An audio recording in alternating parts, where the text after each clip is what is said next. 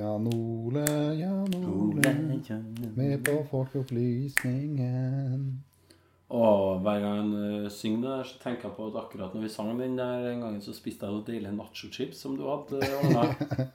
Som var bra rytme i, ja. ja. Åh, det fikk jeg lyst på nå.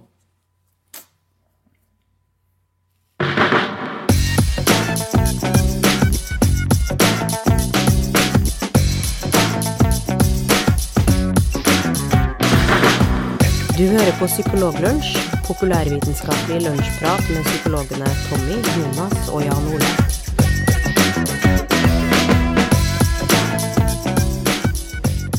Vi er i gang med en ny episode av Psykologlunsj. eh, Og Tommy Mangerud, han sitter eh, i Meløs.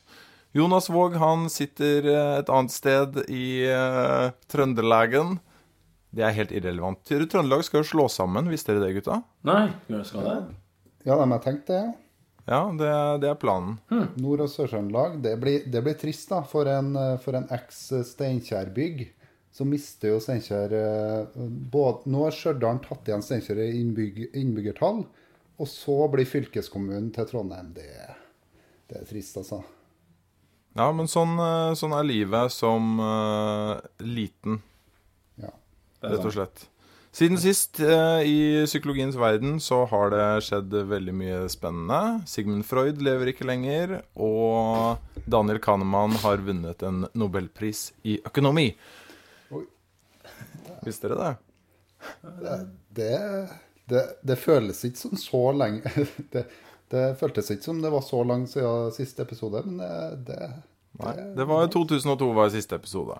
Ehm, I dag så skal vi eh, ta for oss noen lyttespørsmål for eh, første gang på en god stund. Eh, men aller først så har Jonas lyst til å si lite grann om en nettside som heter helsebiblioteket.no. Ja, for jeg, i forrige uke så var jeg på, på spesialiseringskurs. Jeg er jo ikke psykologspesialist, vet du. Jeg er bare en sånn vanlig psykolog.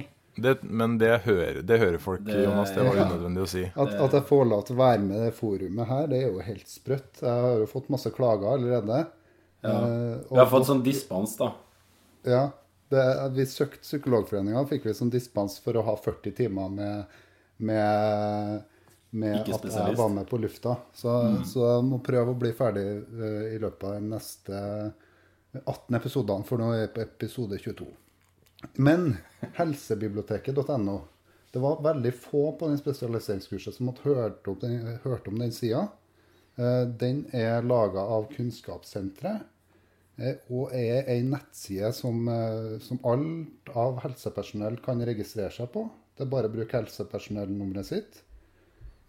Og hvis man går inn på der, registrerer seg, så vil man få tilgang til en hel del ulike verktøy, informasjon om eh, bl.a. psykisk helse, men også all mulig andre ulike medisinske og psykologiske fagfelt. da.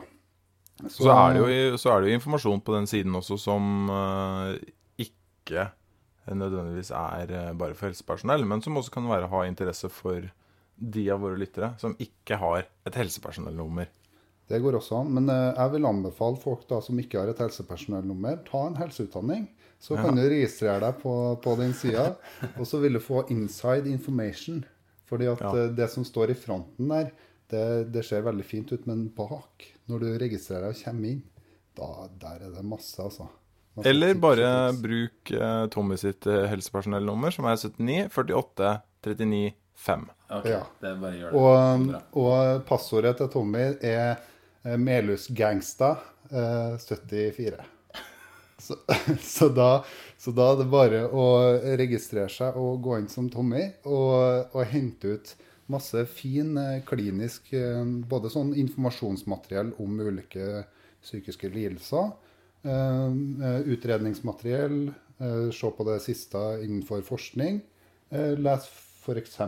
om eh, fantastiske blogger innenfor psykologien. Der er jo psykologibloggen eh, nevnt, og Oh, yes. psykologen og alle, alle dere der. Og så er det også et sånt uh, type tidsskrift som heter Syknytt, tror jeg. Der har de uh, nye, uh, nye nyheter innenfor faget. Så godt tips. Gå inn på helsebiblioteket.no og så sjekk det ut. Og takk for det, Jonas. Men eh, det som også har skjedd eh, siden sist, er jo at eh, en podkast som har ligget i dvale en god stund, har kommet tilbake.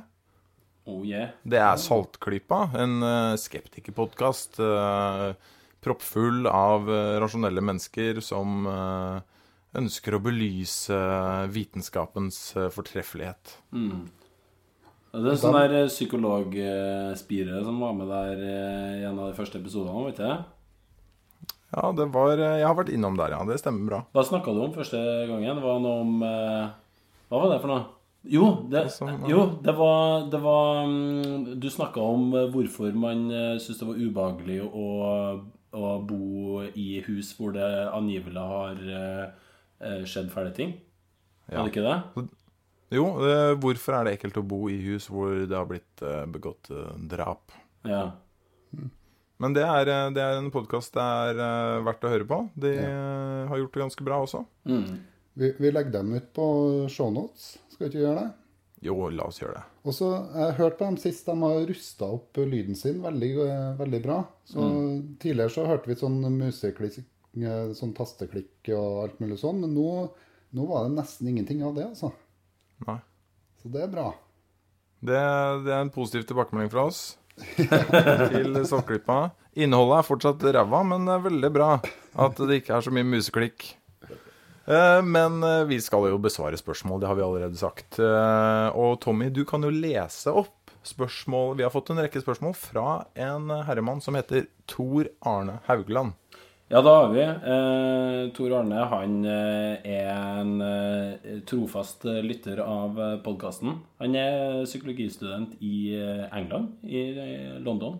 Og han eh, har sendt oss en rekke spørsmål. Da. Jeg tenkte vi kunne ta for oss noen av de. Han har vært veldig flink og sendt oss mange, da. Men jeg kan ta og lese opp det første.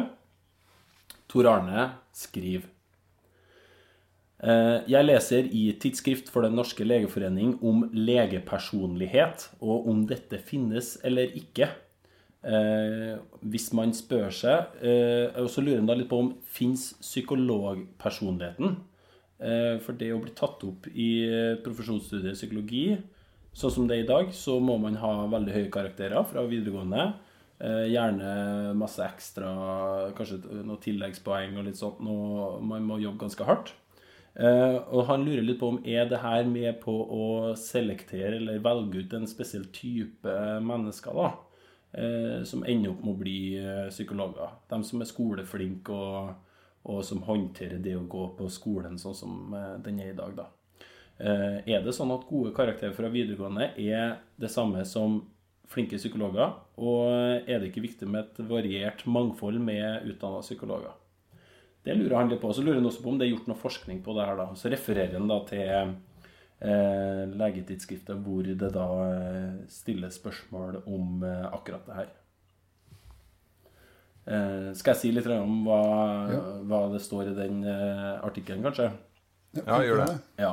Nei, det, det, er jo litt det som jeg har, uh, har allerede vært litt innpå. Det er jo, uh, medisinstudiet har det jo vært sånn en god stund nå at Eh, det er de eh, kanskje flinkeste elevene eh, i klassen som får gode nok karakterer til å søke seg på medisinstudiet. Og det har jo både fordeler og ulemper. Det er sånn at det blir veldig dyktige studenter ut av det. Altså det er folk som er intelligente og flinke til å lese og, og erverve seg kunnskap. Ehm, det blir eh, dyktige, arbeidsomme mennesker ut av det, kanskje. Ehm, men så er det sånn at eh, det kanskje har noen ulemper med seg òg. Og da snakker en jo litt om det her med om, eh, om det er sånn da at det kanskje det er mennesker som er ekstremt tilpasningsdyktige til en sånn grad at, at man liksom litt av ens Eh, eh, personlig substans nesten forsvinner litt. At de, de, de er veldig sånn eh, Ja. Det refereres jo litt til noen sånne psykoanalytikere og deres litt sånn teorier om hvordan det her eh, flinke, flink pike-syndromet er jo noe vi har eh, hørt litt om. At det er, det er, noen litt sånn ulemper med det også, da. Så, eh, så ja. Det, det, kan være at det er noen ulemper med det òg, da. Det er hans poeng å lure på om det er litt sånn for psykologer òg. Mm. Ja, og det er jo et spørsmål som det ikke er sånn superlett uh, å besvare. Uh, det, altså det ene her er jo Det er to spørsmål her, egentlig. Det ene handler jo litt om finnes det en psykologpersonlighet. Og det andre er jo er opptaket til psykologistudiet og da også legestudiet lagt opp sånn at uh, vi selekterer, altså bare henter inn folk som er kjempeflinke på skolen og har det eventuelt eh, en negativ eh, eller en slagside da, som ikke er positiv. Mm. Eh, men Jonas, du har jo sett litt sånn på personlighet, da. Nå har vi ikke sett direkte på psykologer, men vi har sett på leger. Du har titta litt på det. Ja, det, det, finnes noen studier som har sett på, på leger, og om det, om det, er en liten sånn skjevfordeling blant dem som velger legestudiet kontra andre typer studier. Eh, og da trekker de fram eh, eh, Da bruker de ofte femfaktormodellen, som er den mest etablerte personlighetspsykologiske modellen, eller trekkpsykologiske modellen, som tenker at personligheten er delt opp i fem store faktorer. Det er nevrotisisme, som er en sånn grad av følelsesmessig stabilitet. Da. Det er ekstroversjon, eller om du er utadvendt kontra innadvendt. Eh, det er om du er åpen for nye erfaringer kontra mer sånn tradisjonsbevisst. Eh, om du er, medmenneskelig, eller mer sånn eh, medmenneskelig orientert, da, eller om du er mer sånn egenrådig, ikke så Du tilpasser ikke deg så mye dem rundt deg. Og så er det hvorvidt du er planmessig eller ikke. Organisert, da. Ja, organisert. Altså god til å liksom legge opp dagen din og rutinene dine og sånn. Og det ser man at, eh, at leger eh, scorer høyt på, på ekstroversjon og medmenneskelighet. Eh, I tillegg, til at de, I tillegg til at man ser at planmessighet er også et trekk eh, som de scorer høyt på. Som igjen eh, påvirker om hvorvidt man lykkes eh, innenfor studiet sitt eller ikke. Og Det har man sett på andre typer akademiske studier òg. ser man at planmessighet eller altså evne til organisering er en viktig faktor. Eh, det, det, ja. På lik linje med, med intelligens, egentlig. Så intelligens kombinert med, altså IQ kombinert med planmessighet er en, en gyllen faktor da, for å klare seg i, i, i akademia generelt. Orden og oppførsel, vet du. Viktig ja. karakter, det. Så, så, da kan man jo se for seg, for den han Tor Arne Haugland spør om, er jo mer sånn eh, fordi at med å ha videregående karakterer som eh, opptak, pluss militærtjeneste, Eh, og så, sånne ekstrapoeng som kommer av at du, er en flink, dyktig borger, eh, så får du kanskje Du får ikke de fritenkerne lenger. Hvor blir det av rebellene som drikker absint og er med i, er med i bohemen, liksom? Eh, forsvinner dem?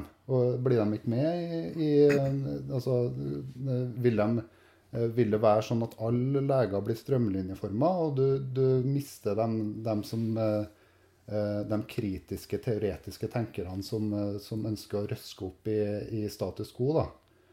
Eh, og det, det, er vel det som er ankepunktet punktet til Tor Arne når han spør det spørsmålet her, tror jeg. Eh, nå, nå, var jo ikke det om eh, psykologer, men jeg tror at sånn som eh, opptaket til psykologistudiet er lagt opp stort sett nå, så tror jeg man vil nok få mye av de samme utslagene om man hadde testa norske psykologistudenter på det samme. For det er, det er veldig vanskelig å komme inn, og det er mye flinkiser. Men bare, det, akkurat det, der, det poenget med at de det at man søker etter folk med veldig høye karakterer, at det høye karakterer blir gjeldende, gjør at man sitter igjen med en sånn gjeng med nikkedokker. Det argumentet, det har jeg aldri skjønt.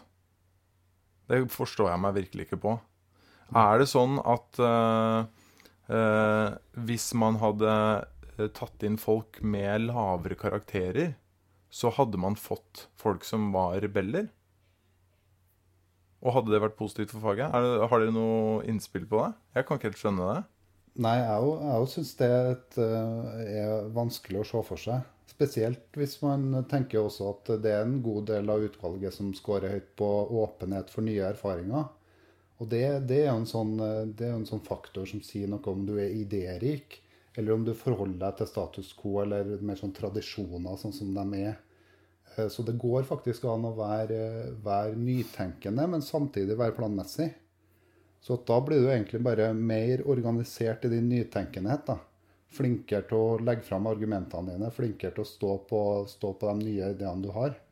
Eh, så at, sånn at eh, hvis man er mindre planmessig, så er man også, står man jo i fare på for at man ikke klarer å gjennomføre de tingene man står for. Så jeg, mm. jeg syns, jeg syns det, er, det, er en veldig sånn artig tanke da, at, man, at, folk At du bare plukker ut folk som ikke står på kravene. Men jeg tror at, jeg tror at du da får dyktige eh, folk som har også gode evner til å argumentere for seg sjøl.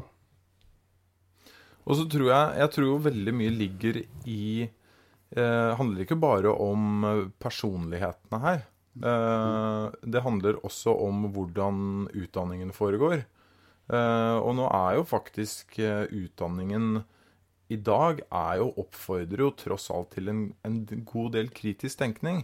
Eh, Sammenligna med hvordan det var på 50-tallet. Jeg tror ikke det ble veldig oppfordret til å være eh, rebell der. Men nå er, jo, nå er, jo, nå er det jo en, norm, det også, å tenke selv.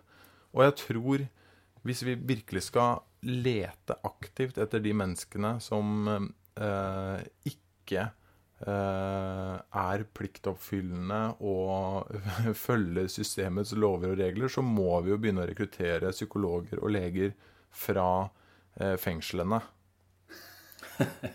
og det tror jeg ikke er en god løsning. Selv om det ville blitt veldig friskt, kanskje.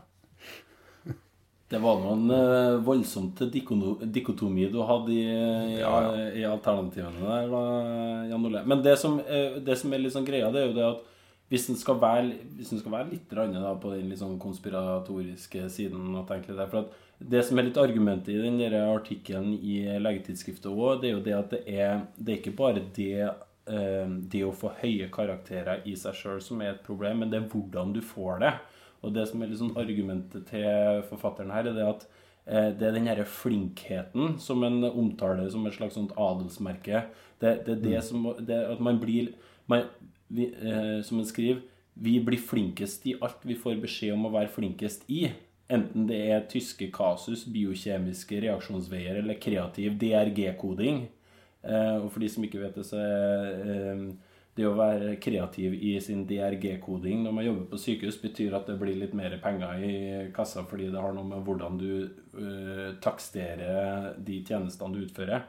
Uh, Så da setter man jo enorm lit til at utdanningsinstitusjonen og senere arbeidsgiveren har, uh, gjør en god jobb da, med å, med også um, utdanne folk på den måten som, som samfunnet trenger, og osv. Så det er jo som du sier, da, nå i psykologistudiet f.eks. er mer kritisk tenkning nå. Ja, det er jo kjempebra. Men eh, eh, det er viktig at hele studiet på en måte er veldig bra. For det som vi da det som, som sagt, Hvis man legger litt den konspiratoriske sida til, da, så er det sånn de folkene som blir tatt opp nå, det er de som er flinke til, de, til å gjøre det som folk ber de om å være flinke i. da. Mm. Men, men, ja, man forutsetter jo nå fortsatt at uh, det er sånn at uh, de menneskene som gjør det bra på skolen, har mer av uh, den negative kvaliteten enn de andre har. Og det er jeg ikke så sikker jeg er ikke overbevist om. Og da benytter jeg bare sjansen til å bestemme at det blir siste ord i saken. Nå understreket Jonas før sending at vi har jo ikke gjort et uttømmende søk på forskninga på dette området. Så vi skal ta undersøke litt grundigere om eh, det finnes en eh, psykologpersonlighet, eh, bl.a. Og så hadde nei, Jonas lyst til å si noe om siderhusreglene, et eller annet. Og det er jo bare Jonas som har lest den, så det får du ikke lov til nå. Vi skal ta neste spørsmål istedenfor. Og hva var det neste spørsmålet, Tommy? Det neste spørsmålet var Det er et uh, kremspørsmål, eh, spør du meg. Uh, det lyder som følger. Hvis dere hadde hatt alle midler og ressurser tilgjengelig for å forandre og bygge opp et nytt psykisk skråstrek psykologisk helsevern, hvordan hadde dere gjort det, og hva hadde vært forskjellen fra eh, dagens psykiske helsevern? Ja, det, det, åpner, det åpner opp for uh, ville fantasier, egentlig, akkurat det. Jeg tenker vi bare åpner opp for de ville fantasiene. For det står jo det alle, alle midler og ressurser tilgjengelig. Ja. For se for dere at vi nå hadde, hadde ikke hatt noe psykisk helsevern. Og så vi skulle ha bygga det opp helt fra scratch. Fordi at mye i psykisk helsevern er jo bygga på gamle tradisjoner. Eh, annet så har vi jo et eh, diagnosesystem som, eh, som er under kritikk. Altså, Vi har jo bygd opp en sånn forståelse av psykiske lidelser som er basert på eh, mer sånn fenomenologiske beskrivelser. Eh, som, som mer sånn eh, kliniske observasjoner som vi har ekstrapolert da, over tid. Som vi har tenkt skulle ha passa til ulike typer lidelser. Men så, men så har vi litt vansker med å gå bort fra de lidelsene eh, etter hvert. Så det betyr at, eh, at den lista over ulike lidelser den øker og øker og øker. eh, Mens det er vanskelig å gå bort fra det. Eh, og det, det er et sånt fenomen som man ser innenfor mange eh, fagfelt, tror jeg også. At, at det er vanskelig å, å liksom gå bort fra en teori. Spesielt ikke når man har no, gode nok data til å si noe om eh, er dette et fenomen som eksisterer eller ikke. Betyr det at du ville begynt med å lage nye diagnoser? Er det det Jeg, hadde, jeg hadde kanskje ville begynt med å inkludert mer sånn normalpsykologiske fenomener i, i bygga psykisk helsevern mer på normalpsykologi, tror jeg. Eh, Det vi vet om, eh, om menneskets atferd, også, også sånn generell atferd hos mennesker som, som man ser i store deler av befolkninga.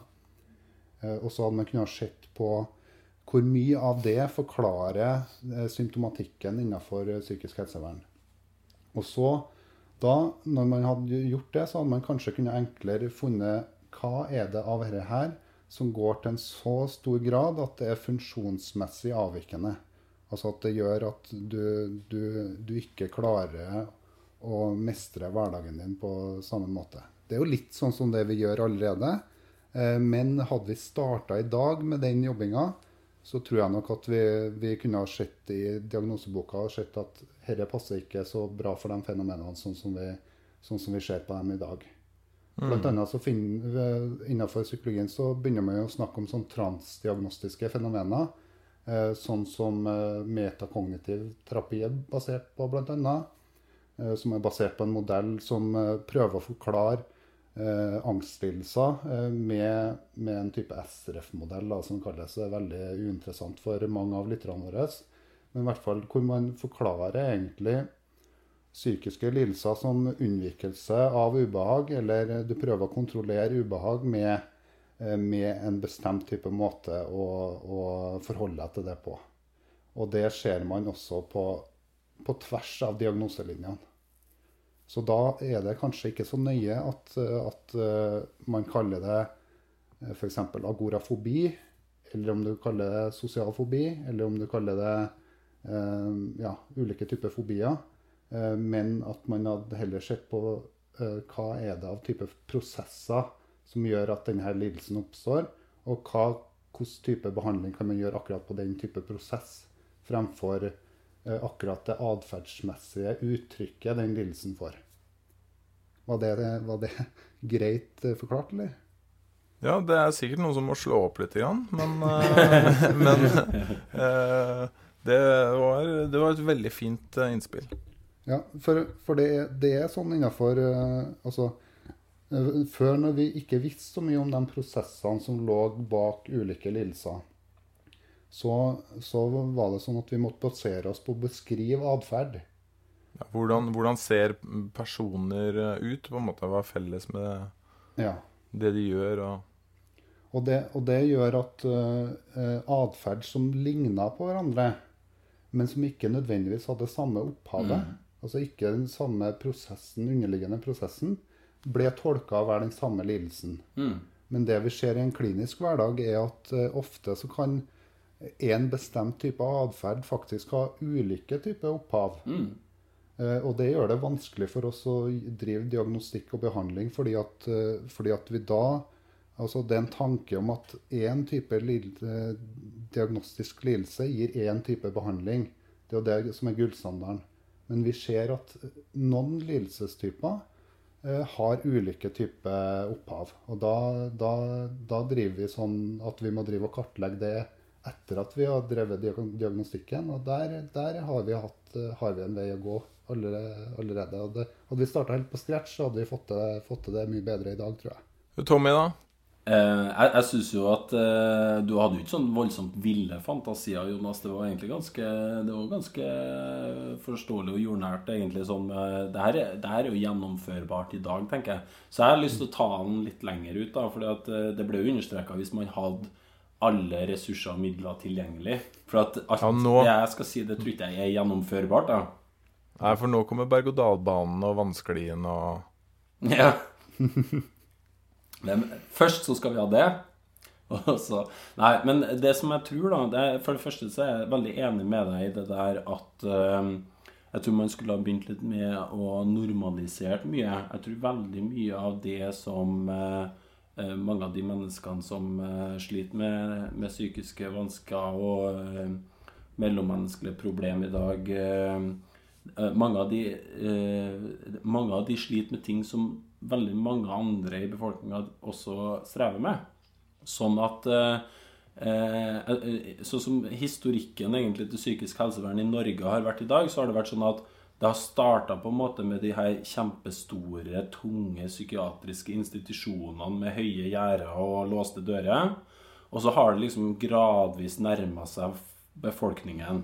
Med at liksom det, Man har bygd ned en del av de gjerdene, og man har fått lokalpsykiatriske sykehus, og man har fått DPS DPS etter hvert, sånne distriktspsykiatriske senter, og så har man fått kommune, psykisk helsetjeneste i kommunen og sånn. Så det er liksom nær, det, det har kommet på en litt sånn kunstig måte, litt sånn bakvendt måte med har vært veldig sånn tungt og eh, sentralisert, og så har det liksom diffundert ned mot eh, befolkningen etter hvert. Så jeg, eh, hvis at eh, det hadde vært opp til meg, så hadde vi liksom snudd helt opp ned på det. Man starta med at uh, helsehjelpa skulle komme, vært nære der hvor folk trenger det, der hvor folk flest trenger det. Kanskje før det blir et problem, da. Eh, der hvor dem som har lyst til å diskutere dette her med en eh, kyndig person som har taushetsplikt og litt sånt kan gjøre det eh, før det blir noe stort problem, og før kanskje det blir um, eh, Ja, før det blir et uh, veldig stort problem. Og så et veldig viktig poeng som som jeg ville hatt med, det var det at når, når det kommer opp til et visst nivå av avansert, avanserte tiltak, så eh, skal ingenting gjøres, absolutt ingenting, få lov å gjøres uten at det er eh, noe slags eh, forskning som ligger til grunn for å vurdere om ting har effekt eller ikke. Da snakker vi litt sånn, kanskje litt tyngre ting, sånn som litt mer alvorlige psykiske lidelser og, og sånt noe. Sånn at eh, det hadde vært veldig sånn evidensbasert, ikke nødvendigvis bare med det som eh, mange har av eh, negative eh, opplevelser av eh, sånn evidensbasert behandling, men at man i hvert fall må ha noen begrunnelse eller vurderingsmuligheter til å finne ut av om ting har effekt eller ikke. Så det er litt sånn, i hvert fall to ting som jeg synes har vært veldig viktige hvis, at, eh, hvis at jeg skulle ha fått bestemt. Eh, og en siste ting kanskje gjelder kanskje litt sånn tungpsykiatrien. At den tror jeg nok jeg kanskje ville ha eh, gjort litt annerledes eh, når vi kommer helt inn på det her med tvang og litt sånt. Men det, det er litt såpass eh, touchy tema at vi kanskje burde hatt en hel episode på det en gang.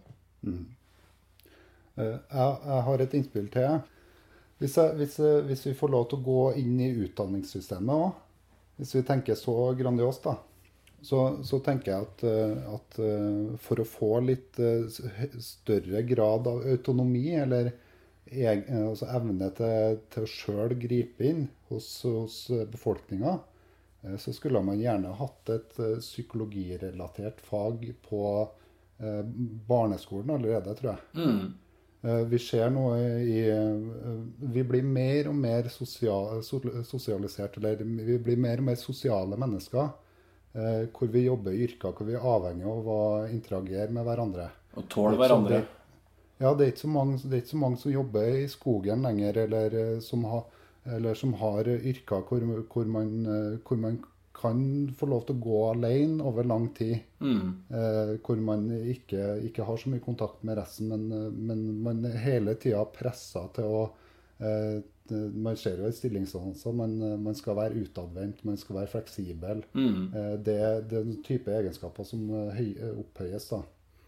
Eh, men så ser man fortsatt at eh, fremdeles så er det folk som oppleves å fryses ut, eller opplever at de blir mobba. Mm.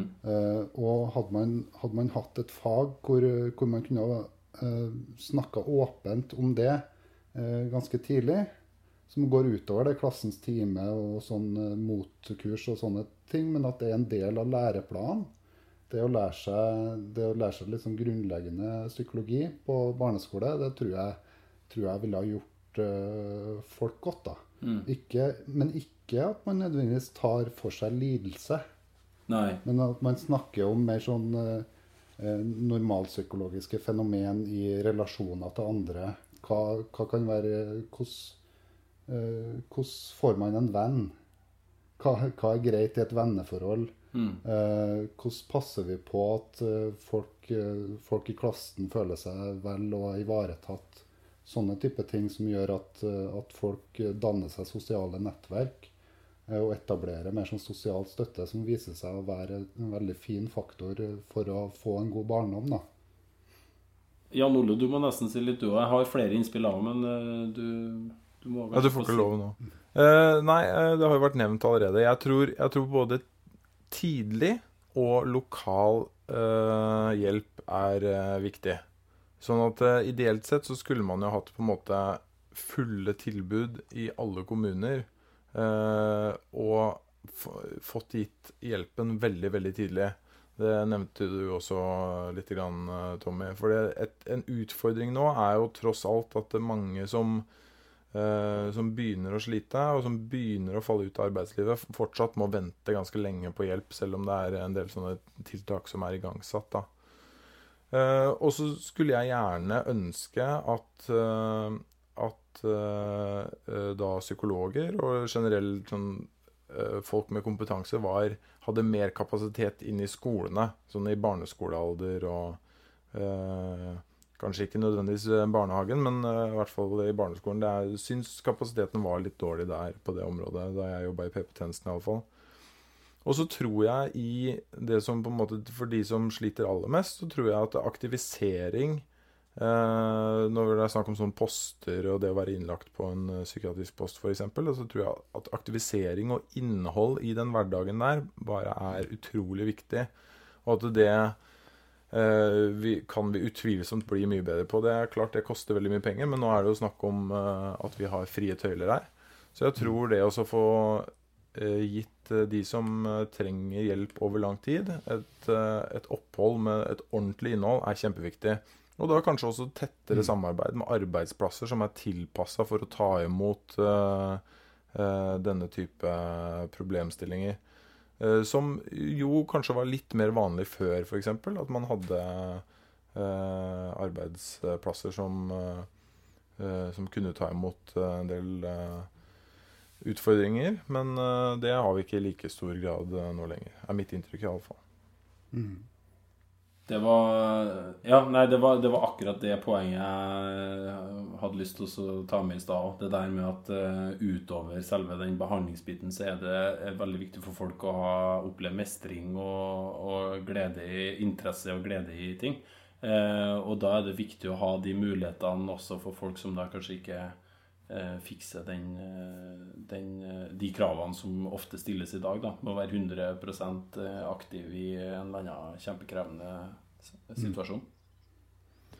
Og jeg har bare lyst til å eh, legge til én ting til, for vi er jo veldig glad i god forskning, eh, vi gutta. Det eh, jeg skulle ønske meg, er jo at hvis man skulle bygget opp det her helt på nytt igjen, så skulle hele psykisk helsevern blitt et eneste stort forskningsprosjekt. Og at man skulle samla inn gode data helt fra begynnelsen av. Uh, og gjort forskjellige ting på forskjellige steder, så man kunne testet og funnet ut uh, hva som funket best. F.eks. eller uten tvang, bruk av forskjellige medisiner. Bruk av forskjellige behandlingsmetoder, som psykologiske behandlingsmetoder. Aktivisering, mm. ikke-aktivisering. Teste ut forskjellig mat, kanskje, til og med. Samvær mm. med dyr, ikke samvær med dyr. Bare gjort hele psykisk helsevern i Norge til et gigantisk forskningsprosjekt samla inn utrolig mye bra data, mm. så tror jeg at vi hadde gjort, fått gjort eh, ganske mye og funnet ut veldig mye som vi ikke vet uh, ordentlig i dag. Mm. Mm. Enig. Det, det, er jeg helt enig i, jeg òg. Så ydmyke og beskjedne innspill vi har her. Det er lett å der? det Ja, og jeg, jeg, tenker at det er ikke nødvendigvis psykologer som skulle ha gjort alt det her. Eh, det er også det å være eh, Vi skulle ha vært flinkere på flerfaglighet. Helt klart. Og, og utnytta de ulike typer fagenes, eh, fagenes kunnskap. For det som skjer ofte nå, er at, er at selv om du har ulik fagbakgrunn og ulik fagkompetanse, så settes du til ganske like roller. Mm. Sånn, at, sånn, at, det er en utvikling som jeg ikke, ikke liker så godt. at Eh, egentlig så skulle vi hatt det sånn at eh, hver enkelt faggruppe skulle ha blitt spissa på det de kan best. Eh, og få lov til å drive med den type, type intervensjon som de kan. Mm. Og en annen ting Sånn som vi har Nav-systemet i dag, blant annet, så er det jo så ofte at pasienter som, som opplever at de holder på å falle ut av, av arbeidslivet, kanskje opplever en depresjon eller angst eller sånn, Eh, der er det fortsatt en holdning eh, blant mange da, at eh, den pasienten skal gå gjennom et behandlingsløp først og bli rusta til å komme seg tilbake til arbeidslivet før man mm. igjen forsøker seg ut i arbeid. Og det, det, finnes det god del forskning på nå som viser at det ikke er veien å gå. Mm. Veien å gå er å komme tidlig inn Eh, drive intervensjon samtidig som man fortsetter i jobb i redusert grad hvis man trenger det, men at man fremdeles har en kontakt med den verden som man igjen skal tilbake til.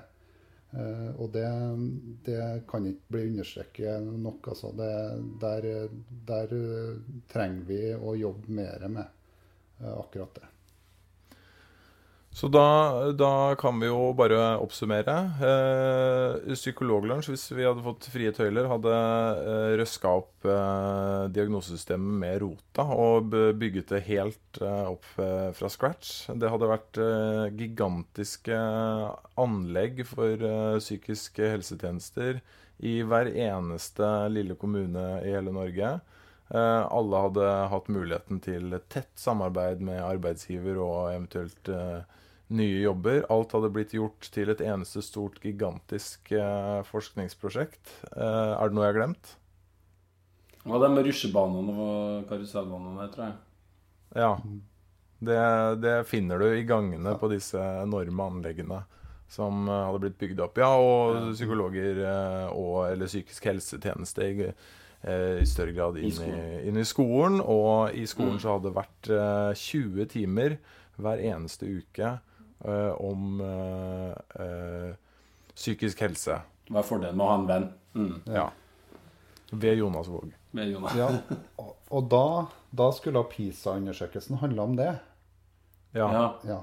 I stedet. Så kunne, kunne ja. Torbjørn Røe Isaksen stått, på, stått uh, på, debatten og sagt at nå har alle, alle, i Norge venner, så nå, ja. nå, nå går det mye bedre med folk. Da, da kunne han ha sagt Eh, eh, så mange som én av fire norske barn har lett for å få venner. Nei, faktisk så mange som én av fem eh, har lett for å få venner, kunne han sagt. Okay. Sam samfunnssatire der, altså. Uh, tung samfunnssatire. For de som ikke fikk med det, så sa jo Torbjørn Isaksen uh, brukte jo faktisk det begrepet én av fire, og én av fem da som antydet at han kanskje trodde at én av fem var mer enn én av fire. Mm. Eh, og det er det jo ikke. Fordi det tallet under streken, vet du, det betyr bare at det skal deles på mer, det. Men det var, det var brøkopplæringen her eh, i Psykologlunsj. Dagens brøk. Neste uke så tar vi for oss differensialligninger.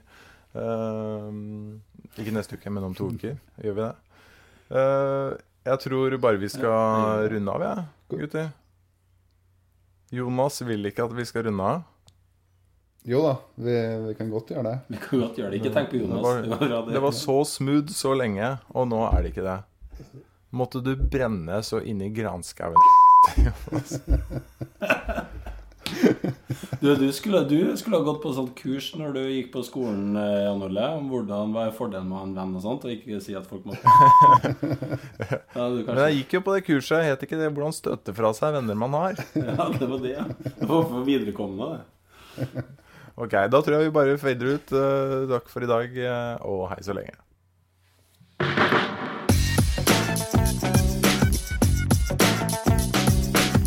Du har nå lytta til Psykologlunsj. Har du noen spørsmål, kan du søke opp Psykologlunsj på Twitter, eller du kan sende en e-post til psykologlunsj alfakrøll gmail.com.